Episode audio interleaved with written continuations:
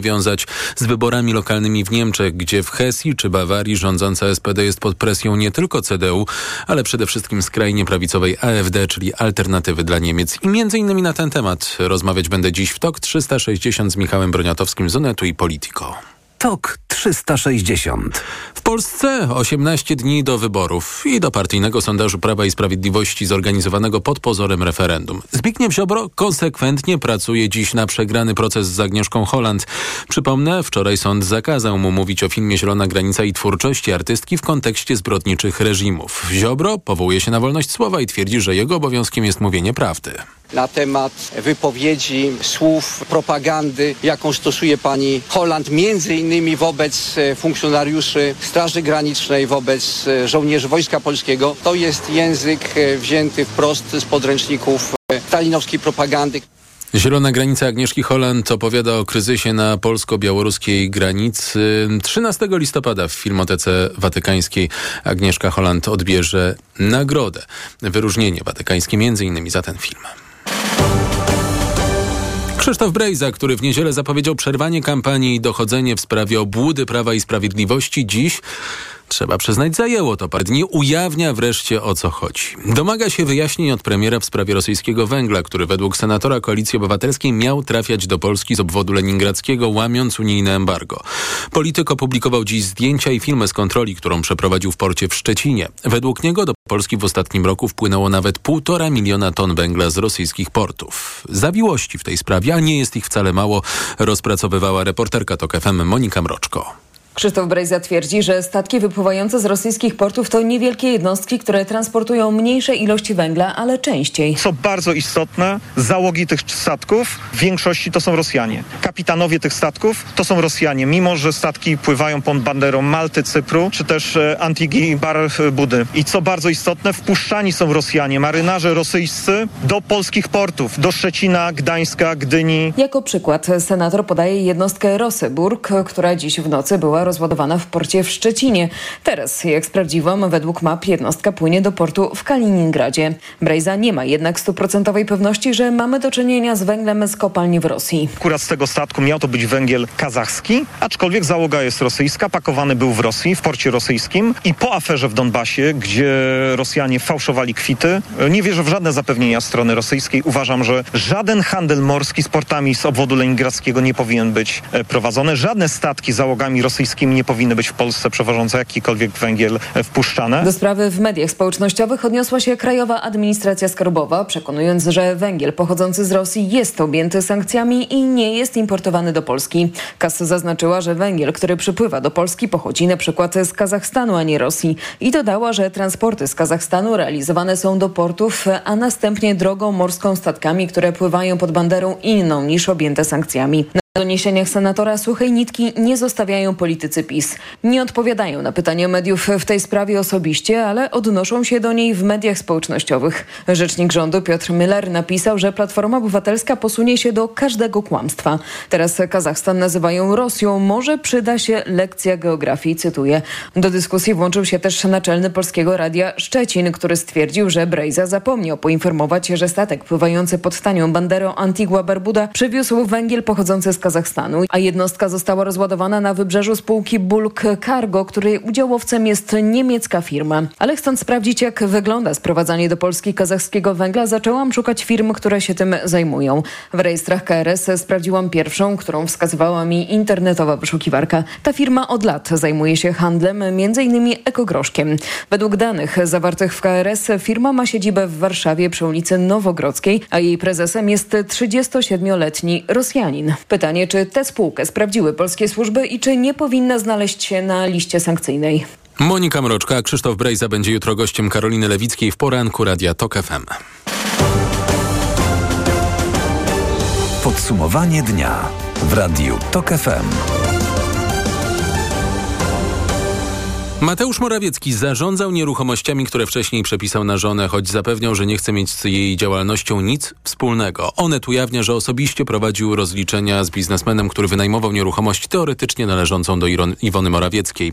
Majątku żony premier konsekwentnie nie ujawnia, stąd Onet zrobił to wczoraj za niego piórem Jacka Harłukowicza, gościa Mikołaja Lizuta w audycji, a teraz na poważnie.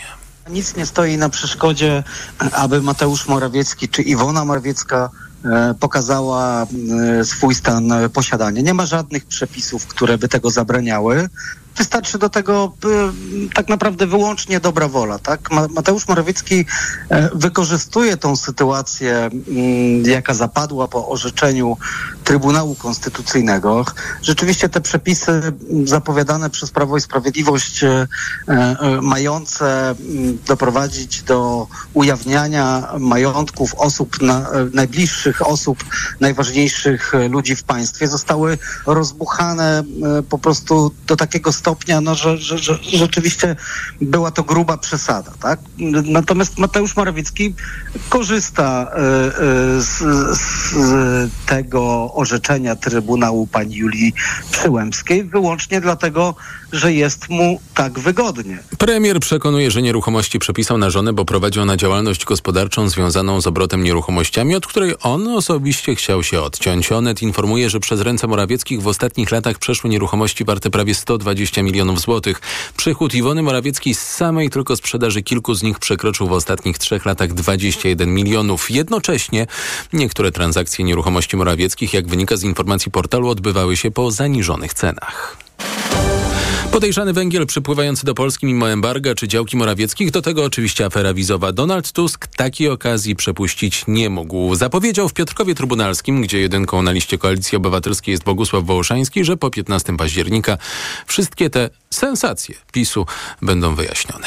Pan Bogusław spokojnie może nakręcić już w pierwszym tygodniu tajemnicę majątku Morawieckich, kopertę Kaczyńskiego dla księdza 50 tysięcy, o czym prezes Kaczyński rozmawiał na wielu biesiadach, w tym alkoholowych z agentem KGB. Tymczasem wspomniany premier Mateusz Morawiecki i sztabowcy PiSu wypuścili kolejny spot wyborczy, w którym, a jakże atakują Donalda Tuska i ostrzegają przed nim wyborców.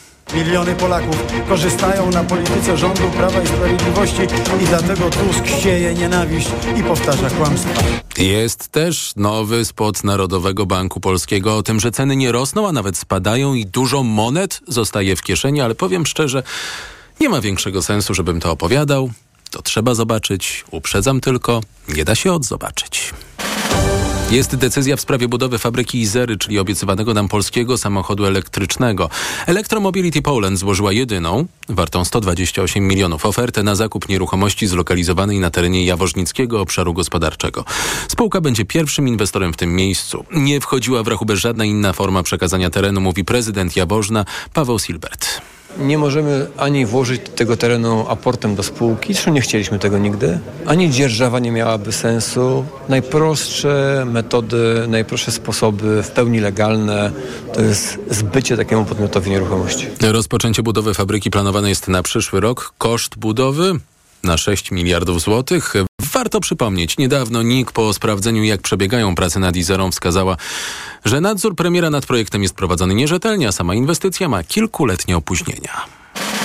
No to jeszcze o inwestycjach. W imieniu rządu Prawo i Sprawiedliwość podpisałem dziś z naszymi amerykańskimi partnerami umowę o budowie pierwszej polskiej elektrowni atomowej, ogłosił na Facebooku premier Mateusz Morawiecki. Z tą budową to bez przesady. Umowę o zaprojektowaniu pierwszej polskiej elektrowni jądrowej zawarły spółka Polskiej Elektrowni Jądrowej i konsorcjum amerykańskich spółek Westinghouse i Bechtel. Budowa natomiast rozpocząć ma się w 2026 roku, produkcja energii w 2033. 2033 to byłoby trzy lata przed Igrzyskami Olimpijskimi w Polsce. Jest naszą ambicją i zamiarem aby rozpocząć starania o igrzyska, letnie igrzyska olimpijskie w naszym kraju w roku 2036. Ogłosił dziś w Zakopanem prezydent Andrzej Duda, gdzie dokładnie miałyby się odbyć igrzyska. Nie wiadomo. Wiadomo, że tam, gdzie infrastruktura, którą chwalił się dziś prezydent. Igrzyska olimpijskie z całą pewnością będą rozgrywane właśnie w najważniejszych ośrodkach, tam gdzie potencjalnie może być najwięcej kibiców tam, gdzie potencjalnie będziemy dysponowali i już dysponujemy największą bazą infrastrukturalną i sportową i hotelową. Problem polega choćby na tym, że największymi miastami rządzą politycy związani raczej z opozycją i jakoś nie słyszałem, by któryś z nich zgłaszał ambicje, by zorganizować Igrzyska Olimpijskie w 2030 roku. Ale tych problemów jest pewnie więcej. Ile można zyskać, ile można stracić? O tym dziś w TOK 360 będę rozmawiał z profesorem Wojciechem Woźniakiem z Uniwersytetu Łódzkiego i Uniwersytetu w Helsinkach. TOK 360. Polski Związek Piłki Nożnej jest przeciwny planom UEFA przywrócenia do rywalizacji juniorskich reprezentacji Rosji. Jeśli rosyjskie drużyny narodowe zostaną dopuszczone do rozgrywek, nasze reprezentacje narodowe nie będą z nimi rywalizować, zapowiedział na Twitterze prezes PZPN-u Cezary Kulesza. UEFA chce przywrócić do rozgrywek rosyjskie dzieci i młodzież do 17 roku życia pod neutralną flagą, bez hymnu i bez prawa rozgrywania meczów w Rosji. Czy nie chodzi czasem o sądowanie czy rozmycie sytuacji przed dopuszczeniem Rosjan do rozgrywek seniorów? O to w programie Jeszcze Więcej Sportu Michał Waszkiewicz pytał Michała Banasiaka z Instytutu Nowej Europy. Mam nadzieję, że rzeczywiście to nie jest taka droga, że rzeczywiście UEFA gdzieś próbuje takie różnego rodzaju polityczne manewry wykonywać. Może też gdzieś zakulisowo rozgrywa się ta gra, którą Rosjanie grają przede wszystkim na użytek wewnętrzny, czyli od półtora roku straszą um, że, i obiecują, odgrażają się, że oni w końcu dołączą do AFC, czyli do strefy azjatyckiej, natomiast to na razie nic na to nie wskazuje, więc może to jest taki wybieg pod tytułem e, damy Rosjanom coś, żeby, żeby się uspokoili i żeby nie robili zbyt e, dużego szumu. Przeciąganie liny na pewno w dalszym ciągu trwa. Tak samo jak PZPN w tej sprawie, w sprawie młodzieżowców z Rosji dopuszczonych do rozgrywek przez UEFA, nawet wcześniej zareagowała angielska federacja, również odmówiła gry z juniorami z Rosji. Ukraina zapowiedziała, że wycofa się z rozgrywek, jeżeli będą w nich uczestniczyć Rosjanie. Może się więc okazać, że juniorzy z Rosji skazani będą na mecze z juniorami z Serbii, Białorusi czy Turcji. Wrócę do tego tematu dziś w Sporcie 360 wspólnie z Michałem Waszkiewiczem. TOK 360. Młodzi aktywiści pozwali 32 kraje do Europejskiego Trybunału Praw Człowieka. Sześciu Portugalczyków w wieku od 11 do 24 lat zarzuca władzom państw brak wystarczającego działania w walce z globalnym ociepleniem, o czym mówił jeden z aktywistów, Andre Oliveira. Sześć lat zajęło na gromadzenie dowodów na to, że te kraje szkodzą naszej przeszłości. To była ciężka praca. Próbowaliśmy przekazać naszą wiadomość wszędzie, gdzie to tylko możliwe i w końcu udało nam się to po tylu latach. Aktywiści postanowili walczyć o swoją przyszłość po niszczycielskich pożarach, które nawiedziły Portugalię w 2017 roku. Pożary mają wpływ na jakość powietrza, którym oddychają mieszkańcy, a postępujące zmiany klimatyczne będą potęgowały takie zjawiska. To jest argumentacja. Trybunał w Strasburgu pozew, pozew przyjął, przekazał sprawę do najwyższych organów sędziowskich, nadając jej status priorytetowy. A w Strasburgu jest mecenas Małgorzata Kwiendacz-Palosz, starsza, starsza prawniczka z Fundacji Clienter w Prawnicy dla Ziemi. Połączymy się z nią dziś w TOK 360. Mamy się tłumaczyć z tego, dlaczego wypisujemy dzieci z lekcji religii. Napisali do nas rodzice uczniów jednej ze szkół w Lublinie. Chodzi o niepubliczne liceum. Rodzice twierdzą, że na zebraniu usłyszeli, że jeśli ktoś nie chce już chodzić na religię, to trzeba napisać podanie z uzasadnieniem. Anna Gmitrek-Zabłocka zajęła się tą sprawą. Aniu, co udało ci się ustalić? Poniedziałek w szkole były zebrania z rodzicami i to tam właśnie miała paść informacja, że trzeba pisać podanie, a w nim wyjaśnić, dlaczego dziecko nie będzie dalej chodzić na religię. Dyrektor szkół imienia Królowej Jadwigi w Lublinie, Marek Krukowski, mówi mi, że to błąd komunikacyjny. Rzeczywiście wprowadził zasadę informowania na piśmie o rezygnacji z lekcji religii i rzeczywiście nazwał to podaniem, ale jak mówi, bez uzasadnienia.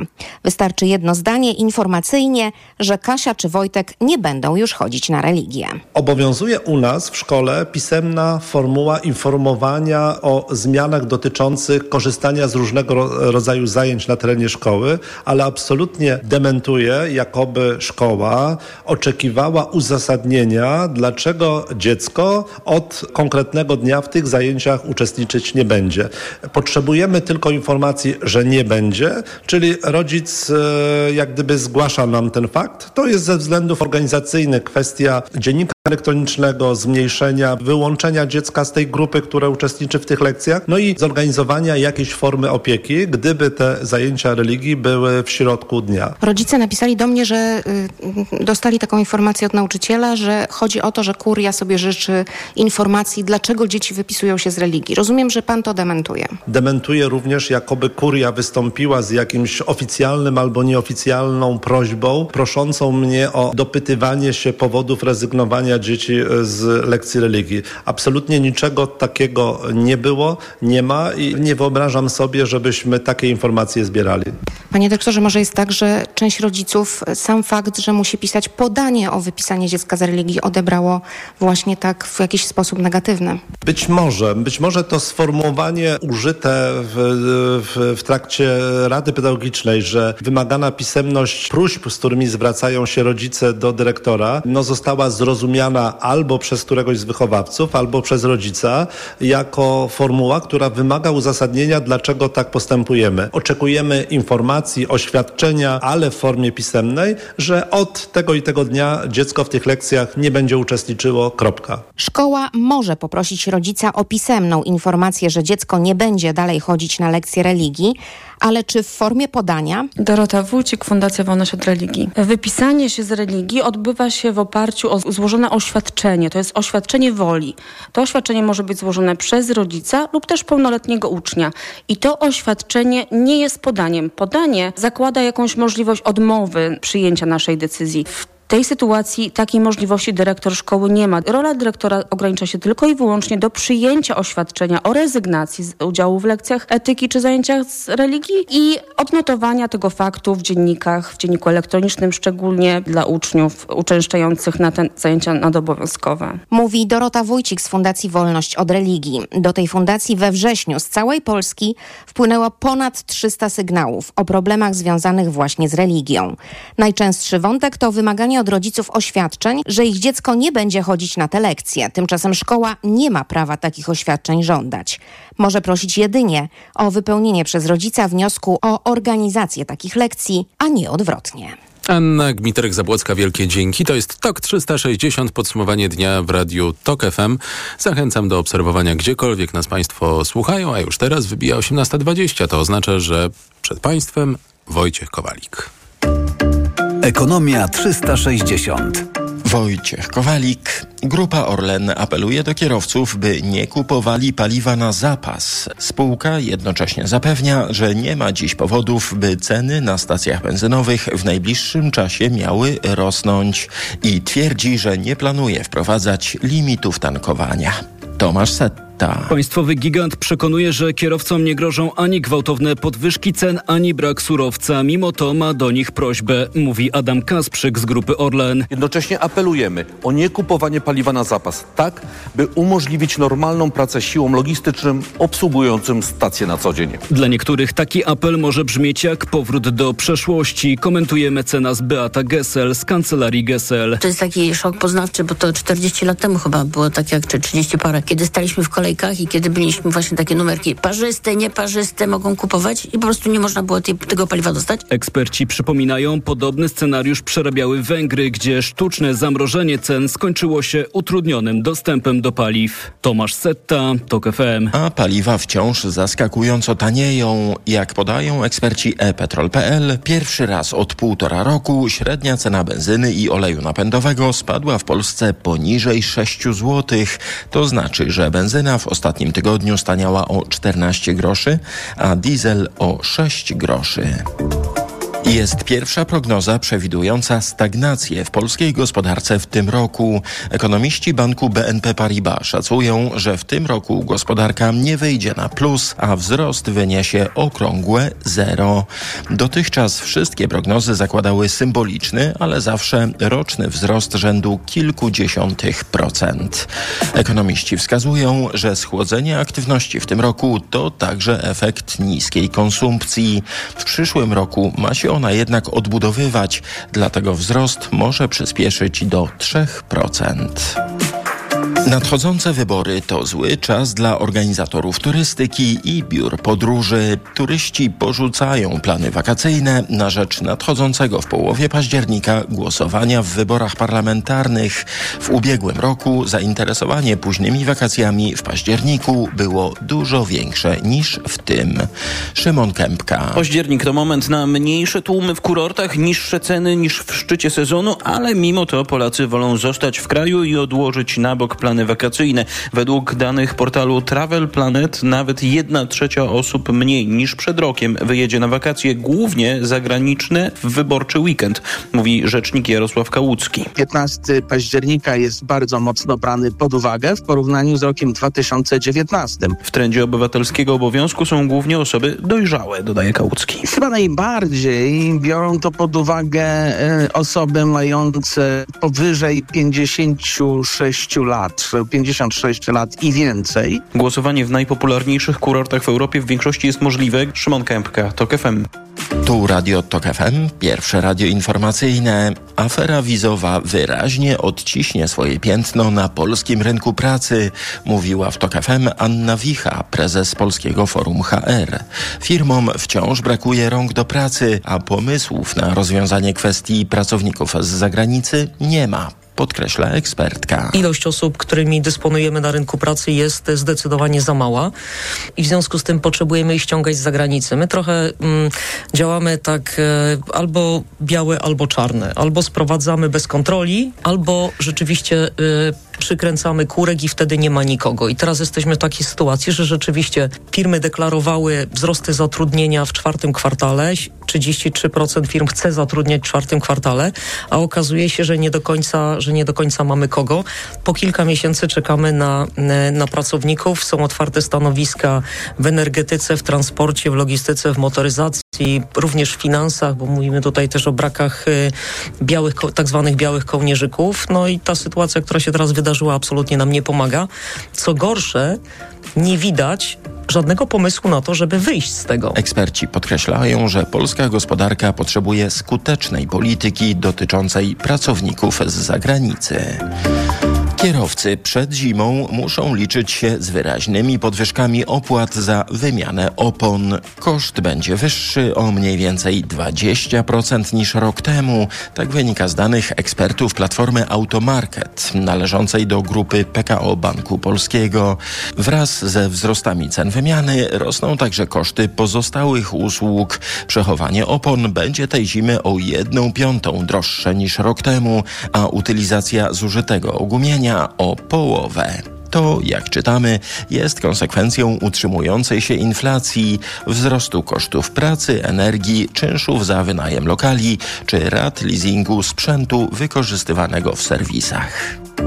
Złoty dziś słabnie. Euro kosztuje 4 zł 62 grosze, frank po 4,79, dolar już po 4,40, a funt po 5,34. Ekonomia 360. Pogoda. No to ja też zacznę od cyferek. 24 do 27 stopni jutro, miejscami na wybrzeżu i w górach nieco chłodniej 22-24 stopnie. Będzie słonecznie, po prostu słonecznie. No dobrze, lokalnie możliwe mgły ograniczające widoczność do około 100 metrów. Radio TOK FM. Pierwsze radio informacyjne. TOK 360. Nie, nie będziemy stali na kolejkach w Świecku czy w Kołbaskowie, w kolejkach długich, kolejkach do granicy. Rząd Niemiec nie tyle zamknął granicę z Polską, nie tyle wprowadził kontrolę na granicy z Polską, co zaostrzył te kontrole wyrywkowe standardowe e, w wypadku strefy Schengen. Ale dlaczego to zrobił? O tym między innymi za chwilę w rozmowie z Michałem Broniatowskim z Onetu i Polityko. Reklama. Czy wiesz, że wiele wycen wywłaszczonych nieruchomości zawiera błędy, których skutkiem jest zaniżenie wartości odszkodowania? Jako strona postępowania możesz aktywnie bronić swojego interesu. Wejdź na stronę jakprzeżyćwywłaszczenie.pl i uzyskaj nieodpłatną pomoc prawną. Kampania społeczna Fundacji Inlegi sfinansowana ze środków pochodzących z 1,5% podatku. W nowej polityce wybory to starcie. Polska kontra PiS. Rozmowa z Donaldem Tuskiem. A także zacieranie afery wizowej. Komu się przysłużą bezpartyjni samorządowcy Sprawa Lewandowskiego, dom zły w Czernikach, dynastia Kulczyków, w co wierzą Rosjanie, kino i polityka. Polityka w kioskach i na polityka.pl. Jeśli kupić chcesz mieszkanie lub wynająć ładne, tanie, to nie będzie to zagadka, że najszybciej jest nagradka. Nagradka.pl znajdziesz mieszkania, domy i działki. Codziennie nowe ogłoszenia z całej Polski. Szukaj nagradka.pl. Początek szkoły i już ogłoszenie o wszawicy. Widziałaś? Tak, Zuzia też złapała, ale kupiłam w aptece sprawdzony lek. Sora Forte. Sora Forte? Tak, to jedyny taki szampon leczniczy. Jest łatwy w użyciu i już po 10 minutach zwalcza wszy. Sora Forte. Ekspresowy lek na wszawicę. Sora Forte. Permetriną 10 mg na mililitr. Wszawica głowowa u osób w wieku powyżej 3 lat. Przeciwwskazania na wrażliwość na którąkolwiek substancję. Inne piretroidy, pyretryny. Aflofarm. Przed użyciem zapoznaj się z treścią lotki dołączonej do opakowania, bądź skonsultuj się z lekarzem lub farmaceutą, gdyż każdy lek niewłaściwie stosowany zagraża Twojemu życiu lub zdrowiu. Czy wiesz, że olej rzepakowy zawiera aż 10 razy więcej kwasów omega-3 niż oliwa z oliwek? Nasza dieta jest w nie uboga, a to ważne dla zdrowia kwasy tłuszczowe. Kampania finansowana z Funduszu Promocji Roślin Oleistych. Dziś na wyborcza.pl pisowska lista płac. Stanowiska, pensje, przywileje. Pierwsza setka nazwisk działaczy. Sprawdź, kto się obłowił na władzy. Pisowska lista płac. Dziś tylko na wyborcza.pl. Od 10 lat mam Ducato. Kupiłem jako nowe. Mam jeszcze inne dostawczaki, ale ten jest najbardziej wytrzymały. Prawdziwy wół roboczy. Solidny silnik i niska awaryjność. A do tego szybki i tani serwis. A ty co powiesz o swoim Ducato? Nie czekaj. Teraz możesz mieć nowe Ducato i inne auta dostawcze z gamy Fiat Professional. W leasingu dla firm od 102% i z pakietem ubezpieczeń OC i AC w cenie. Sprawdź w salonach i na fiatprofessional.pl.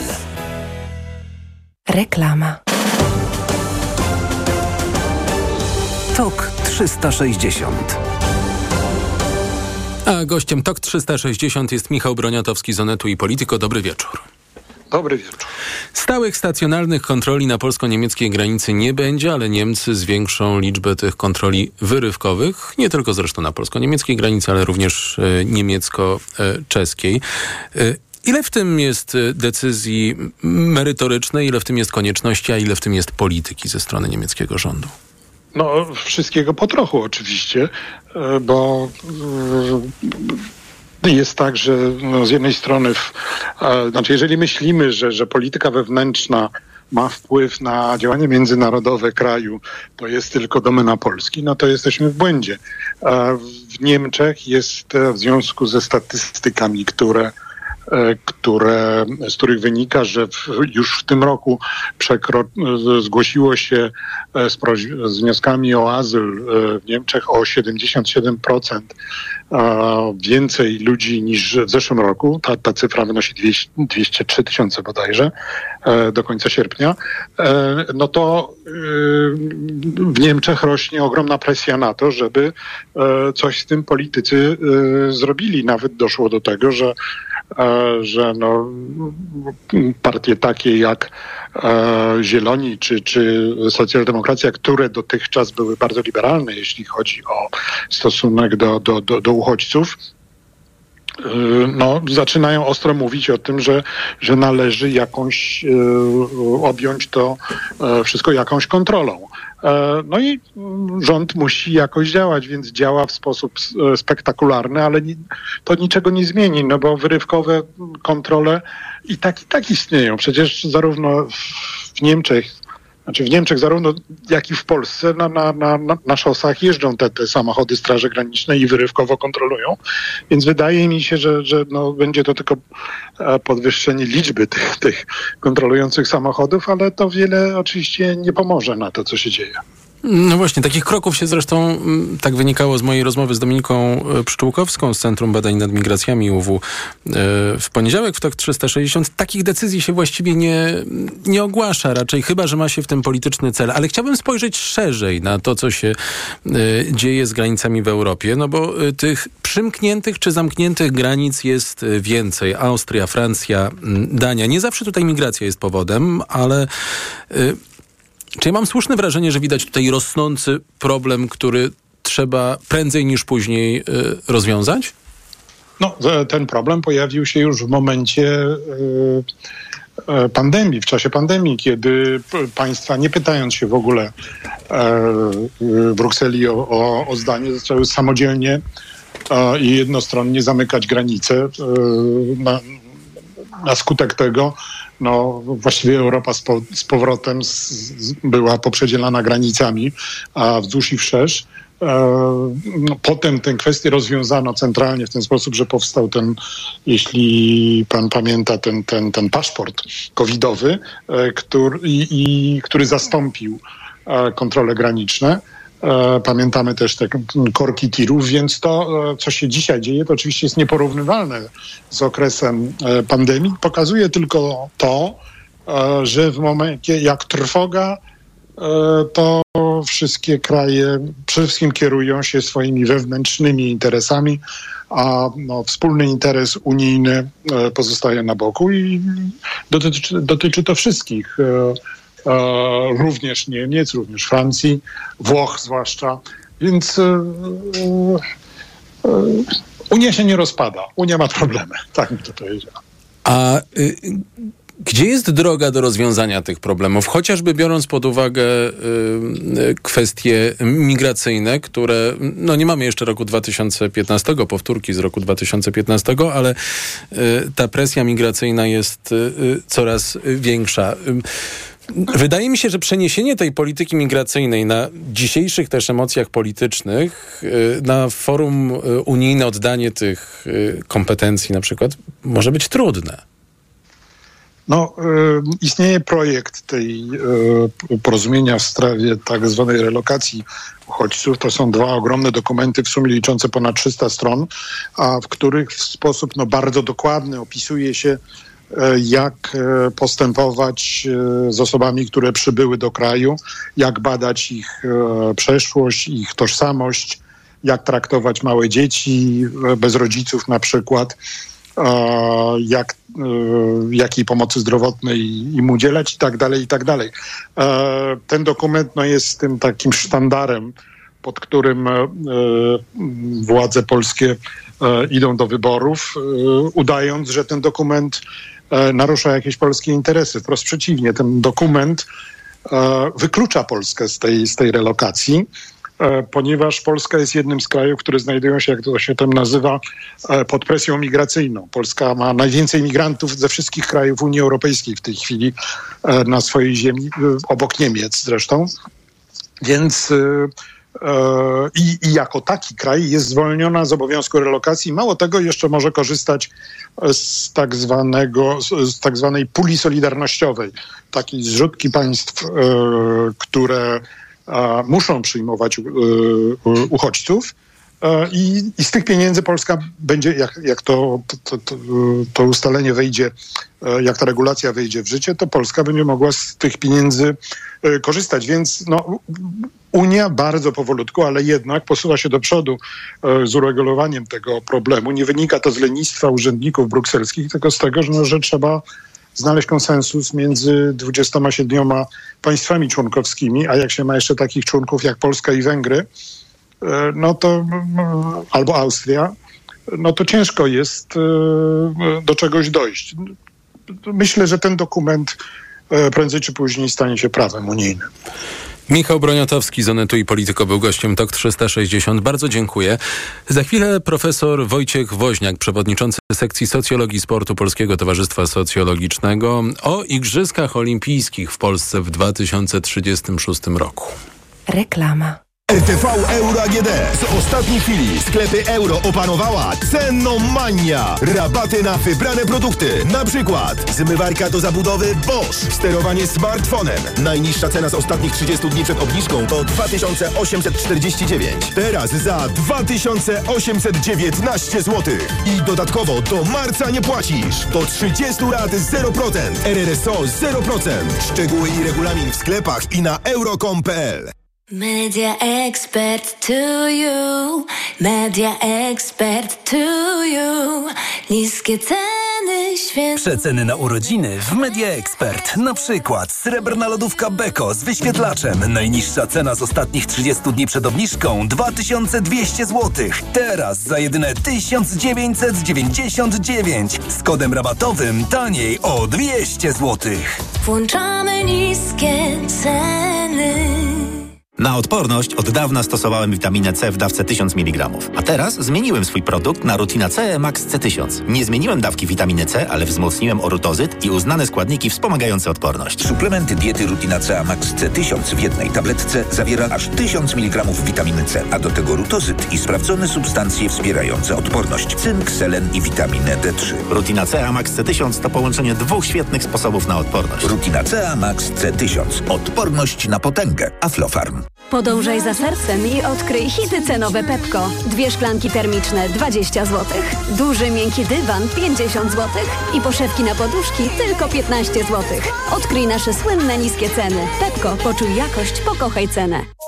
Kochanie, coś mnie bierze. Czy mamy witaminę C? Ale tę naturalną, grinowite acerole. Mamo, jest acerola?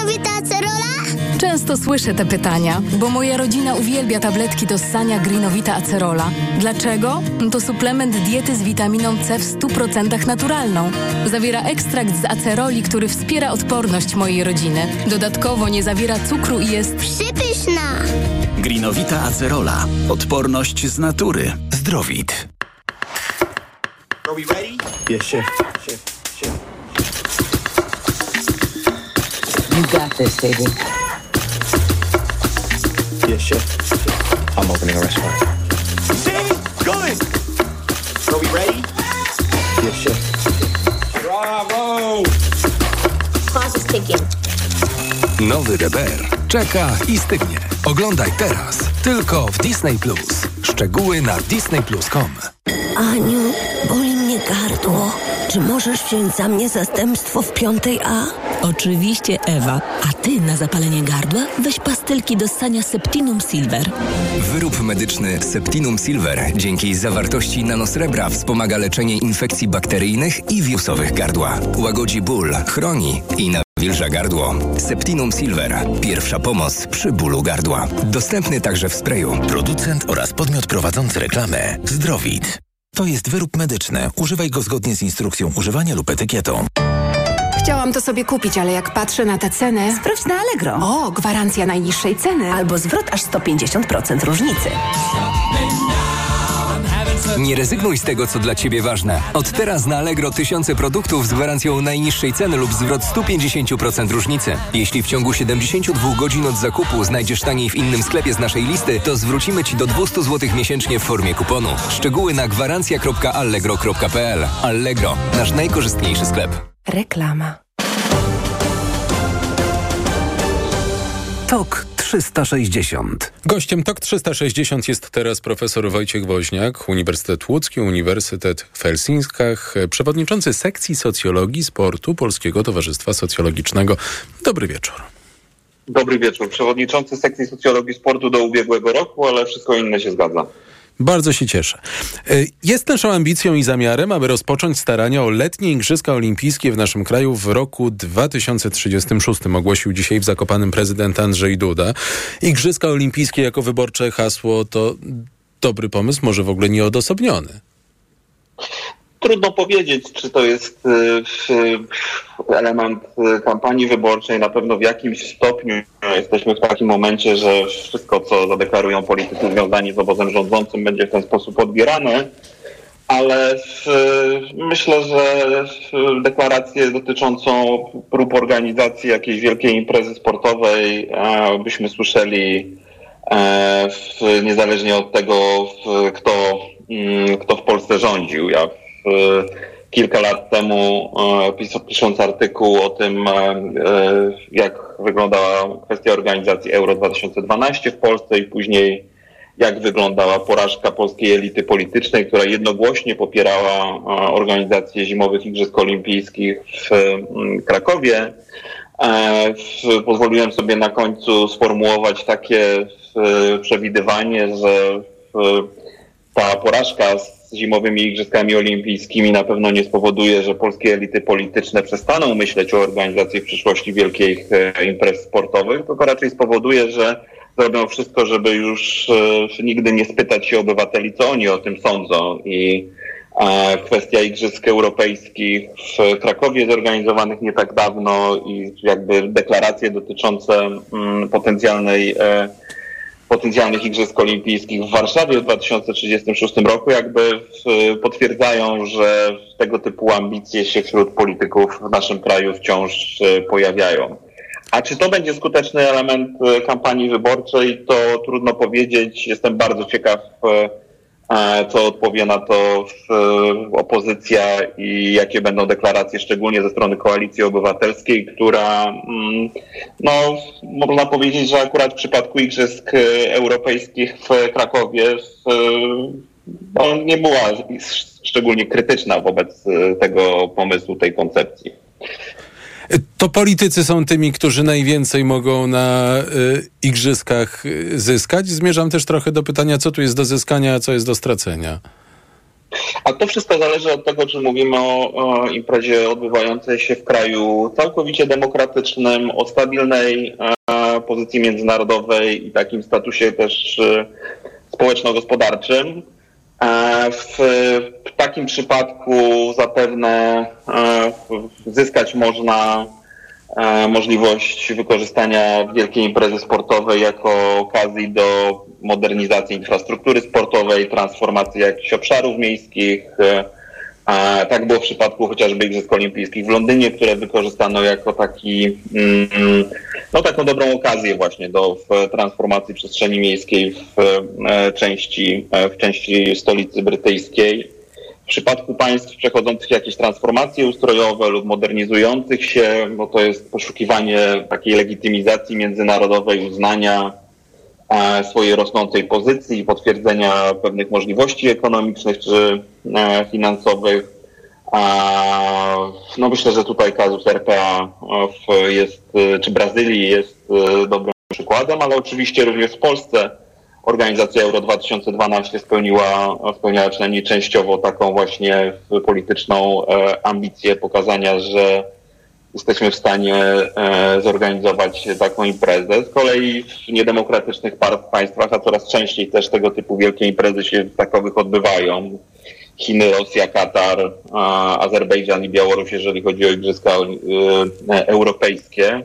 No to jest to zawsze poszukiwanie legitymizacji dla dyktatorów, dla e, reżimów, grzanie się w blasku, nawet jeżeli nieco przebrzmiałych ideałów e, olimpijskich. E, dobrze robi tego typu imperium, zawsze w, jakiś sposób e, można powiedzieć, że poprawia, poprawia to ich wizerunek. A myślę, że zdecydowanie no, politycy są w, wśród tych postaci, które najwięcej na tym korzystają, również w, w sensie czysto w ekonomicznym. e, W, nawet jeżeli nie mówimy o w, jakby korupcji czy też procederach czysto przestępczych, no to po prostu tego typu imprezy są zawsze fantastyczną okazją dla biznesu, również często powiązanego z politykami, by poprzez wielkie inwestycje infrastrukturalne skorzystać stricte ekonomicznie na tego typu imprezach. W którym z tych y, trzech y, punktów klasyfikacji, którą pan y, zarysował, plasowałby pan Polskę mm, w roku 2036? Y, y, Kraj rozwinięty, demokratyczny, czy jednak ten aspirujący wciąż? A Socjologowie są bardzo słabi w przewidywaniu, a już szczególnie w przewidywaniu przyszłości, więc gdzie będzie To w Polska 2023. 2036, to dosyć trudno e, powiedzieć. Natomiast e, e, ja jestem bardzo ciekaw, gdzie będziemy za dwa lata, kiedy to będzie zapadała decyzja o tym, czy gdzie te igrzyska się odbędą.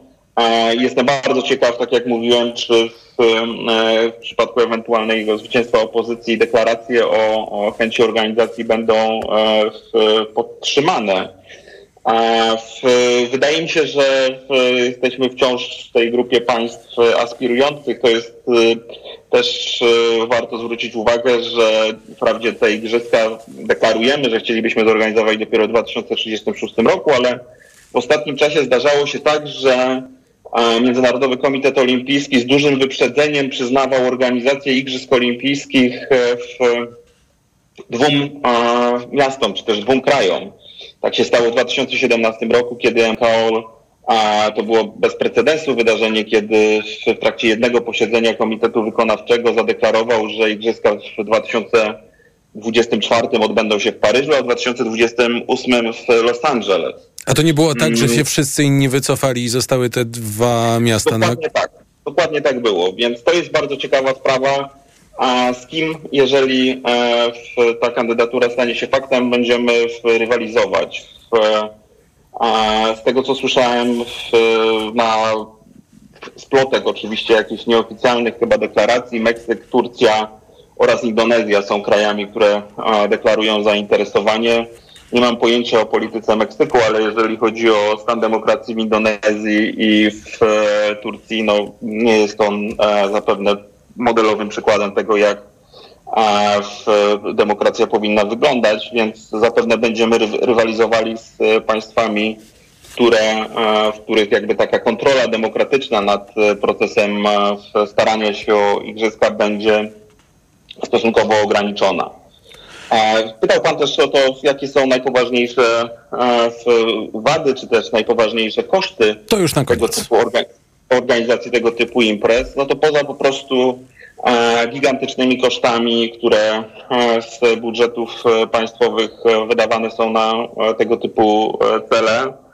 E, W Bent Fliberg, taki duński profesor od zarządzania megaprojektami, pisze, że to jest e, przykład takich megaprojektów, które nigdy się nie zwracają właściwie i zawsze są gigantycznym obciążeniem dla budżetu. No to we wszystkich e, przypadkach organizacyjnych, organizacji igrzysk i, i Mistrzostw Świata w piłce nożnej chociażby w ostatnich latach, nawet w państwach demokratycznych mieliśmy do czynienia z przesiedleniami ludności na wielką skalę, często wbrew ich woli, z zawieszaniem funkcjonowania kodeksu pracy i innego typu regulacji ochronnych, na przykład dotyczących ochrony środowiska, które były niezbędne, by w ogóle zrealizować pewnego typu inwestycje. Także te koszty społeczne, środowiskowe są gigantyczne i bardzo trudno sobie wyobrazić, by w jakimkolwiek stopniu organizacja e, takich imprez mogła je zrównoważyć i zrekompensować. Bardzo dziękuję. Profesor Wojciech Woźniak, Uniwersytet Łódzki, Uniwersytet w Helsinkach, Polskie Towarzystwo Socjologiczne. Już za chwilę mecenas Małgorzata Kwiędacz-Palosz z Fundacji Client Earth, prawnicy mm, dla ziemi o mm, pozwie, który trafił do Europejskiego Trybunału Praw Człowieka, pozwie w sprawie klimatu.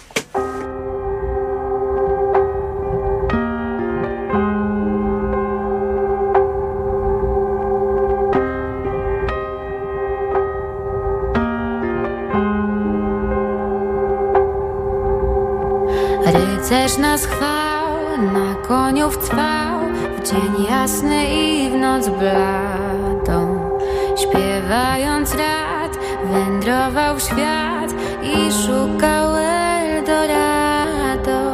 Przeminął wiek, osiwiał człek, duch troską drżał mu bladą. Bo nigdzie mu nie błysł kraj snu, rojone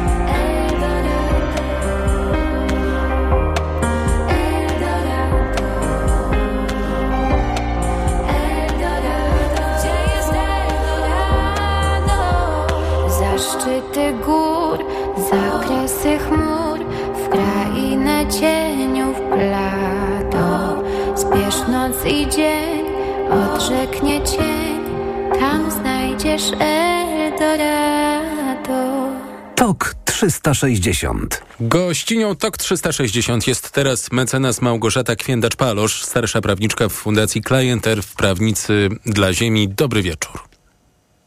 Dobry wieczór.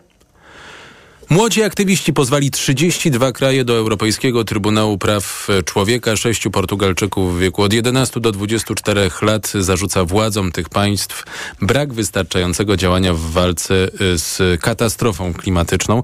Y, Czy na liście tych 32 krajów jest Polska i co to jest w ogóle za historia? E, Zacznę od tego, jak zmienia. Oczywiście, że jest Polska. No, E, tak Zacznę czułem. od tego może, jak, jak zmieniły się te państwa, bo skarga ta została wniesiona do Trybunału Praw Człowieka, zgadza się, przez sześciu młodych ludzi z Portugalii przeciwko 33 państwom. Jednakże w międzyczasie odpadła Rosja, która przestała być stroną Europejskiej Konwencji Praw Człowieka, a skarżący sami zdecydowali się na wycofanie skargi przeciwko Ukrainie w związku z toczącą się tam wojną. Dzisiaj mieliśmy rozprawę przed Wielką Izbą. E, Wielka Izba to 17 sędziów Trybunału i to bardzo rzadko się zdarza, żeby sprawa po raz pierwszy trafiała od razu przed Wielką Izbę. Żeby mogło to nastąpić, wymaga to przejścia procedury, czyli skarga, która jest wniesiona do Trybunału, tak jak tutaj w 2020 roku, potem przekazywana jest do Izby i tam już jest siedmiu sędziów, ale jeżeli uważają oni, że sprawa, której dotyczy ta skarga, może poważnie wpłynąć na interpretację konwencji, mają taką możliwość, żeby tą sprawę przekazać właśnie do Wielkiej Izby Trybunału. To znaczy, I że tak Trybunał w Strasburgu traktuje sprawę katastrofy klimatycznej bardzo serio. bardzo serio i jeszcze w międzyczasie nadali jej priorytet. Czyli to bardzo szybko, można powiedzieć, dla Trybunału od momentu wniesienia skargi do pierwszej rozprawy trzy lata. Razem z skargą portugalskich dzieci taki status ma, ma, ma też sprawa mm, Klima Signorinen, czyli em, mm, kobiet, starszych kobiet w Szwajcarii oraz francuskiego majora przeciwko Francji. Pani powiedziała, że Trybunał podchodzi tak serio do spraw, które mogą istotnie wpłynąć na sposób interpretowania konwencji, Europejskiej Konwencji y, Praw Człowieka, bo to do niej odnosi się y, Trybunał. Y, co się może wydarzyć za te trzy lata w kontekście, y, dzięki tej skargi, w kontekście klimatu? Co się może zmienić w tej interpretacji? E, Najpierw powiem, co się może zmienić tak naprawdę w samej konwencji. Konwencja e, ma już 70 lat i jej przepisy są, mm, pozwalają na jej interpretację, więc nie są takie ściśle, są ściśle określone, ale Trybunał może interpretować. I tutaj mamy sprawę zmian klimatu, która porusza trzy tak naprawdę kwestie, czyli odpowiedzialności jurysdykcji państwa, odpowiedzialności za to, co się dzieje na jego terenie i poza nim. E, Także w tej konkretnej sprawie wykorzystania dostępnych środków krajowych, czyli na, na początku pójście do Narodowego Sądu albo innego ciała. I po trzecie, tak zwany status ofiary naruszenia. I tutaj mamy takie trzy właśnie istotne kwestie, które dzisiaj na rozprawie były podnoszone zarówno przez państwa, jak i przez e, skarżących. I, jeż, I jeżeli, w zależności od tego, co uzna Trybunał, może albo otworzyć szerzej drogę do tego, żeby inne osoby także mogły skorzystać z tej drogi prawno-człowieczej na walkę ze zmianami klimatu, albo może wykazać, że na przykład najpierw powinni pójść do swojego mm, sądu krajowego, a dopiero później do Trybunału, albo że mogą pozywać tylko państwo, którego są oby- obywatelami, a nie inne. Bo tutaj widzimy, że jest skarga osób mieszkających w Portugalii przeciwko innym państwom e, Rady Europy. Dlatego, że skarżące mówią, że tylko i wyłącznie wspólne działania tych państw mogą realnie mm, obniżyć emisję dwutlenku węgla, e, tak żeby temperatura nie wzrosła więcej niż to 1,5 stopnia Celsjusza. I to jest prawda Bo, i to potwierdzają na, naukowcy. Myślę, że gdyby rzeczywiście ta droga składania skarg do Trybunału została otwarta, to mm, niewątpliwym zyskiem byłoby to, że zwiększyłaby się presja mm, narządy y, w kwestii katastrofy klimatycznej. Bardzo dziękuję. Mecenas Małgorzata Kwiędacz-Palusz, starsza prawniczka w Fundacji Clienter w Prawnicy dla Ziemi, była gościnią TOK 360 prosto ze Strasburga, gdzie młodzi aktywiści pozwali 32 kraje do Europejskiego Trybunału Praw Człowieka w związku z klimatem. Już za chwilę przewodnik wyborcy, potem najświeższe informacje, podsumowanie dnia w kampanii Gabinet Cień Macieja Kluczki. Przewodnik wyborcy. Karolina Wiśniewska, zapraszam. Dziś o głosowaniu korespondencyjnym. W tym punkcie kluczowa jest odpowiedź na dwa pytania: kto i kiedy. Kto? Głosowanie korespondencyjne to opcja, z której skorzystać mogą trzy grupy wyborców. Po pierwsze, osoby o znacznym lub umiarkowanym stopniu niepełnosprawności. Po drugie, ci, którzy w dniu wyborów są na kwarantannie lub w izolacji. I po trzecie, wyborcy powyżej 60 roku życia. A kiedy?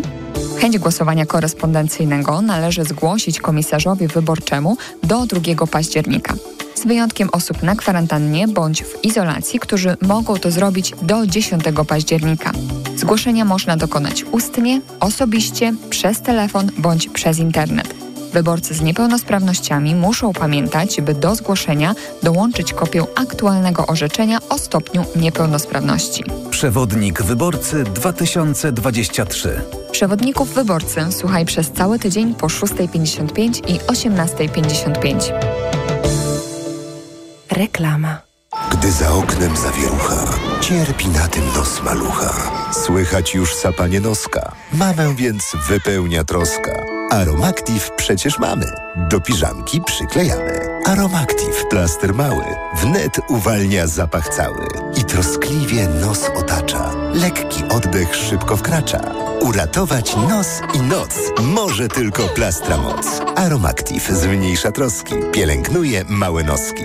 Dostępny w aptekach. Jak wspomagam odporność? Sięgam po suplement diety Immunobest z ekstraktem Belinal z wysoką dawką polifenoli. Immunobest wzmacnia układ odpornościowy w okresie jesienno-zimowym. Więcej na belinal.pl. Zadbaj o odporność z Immunobest.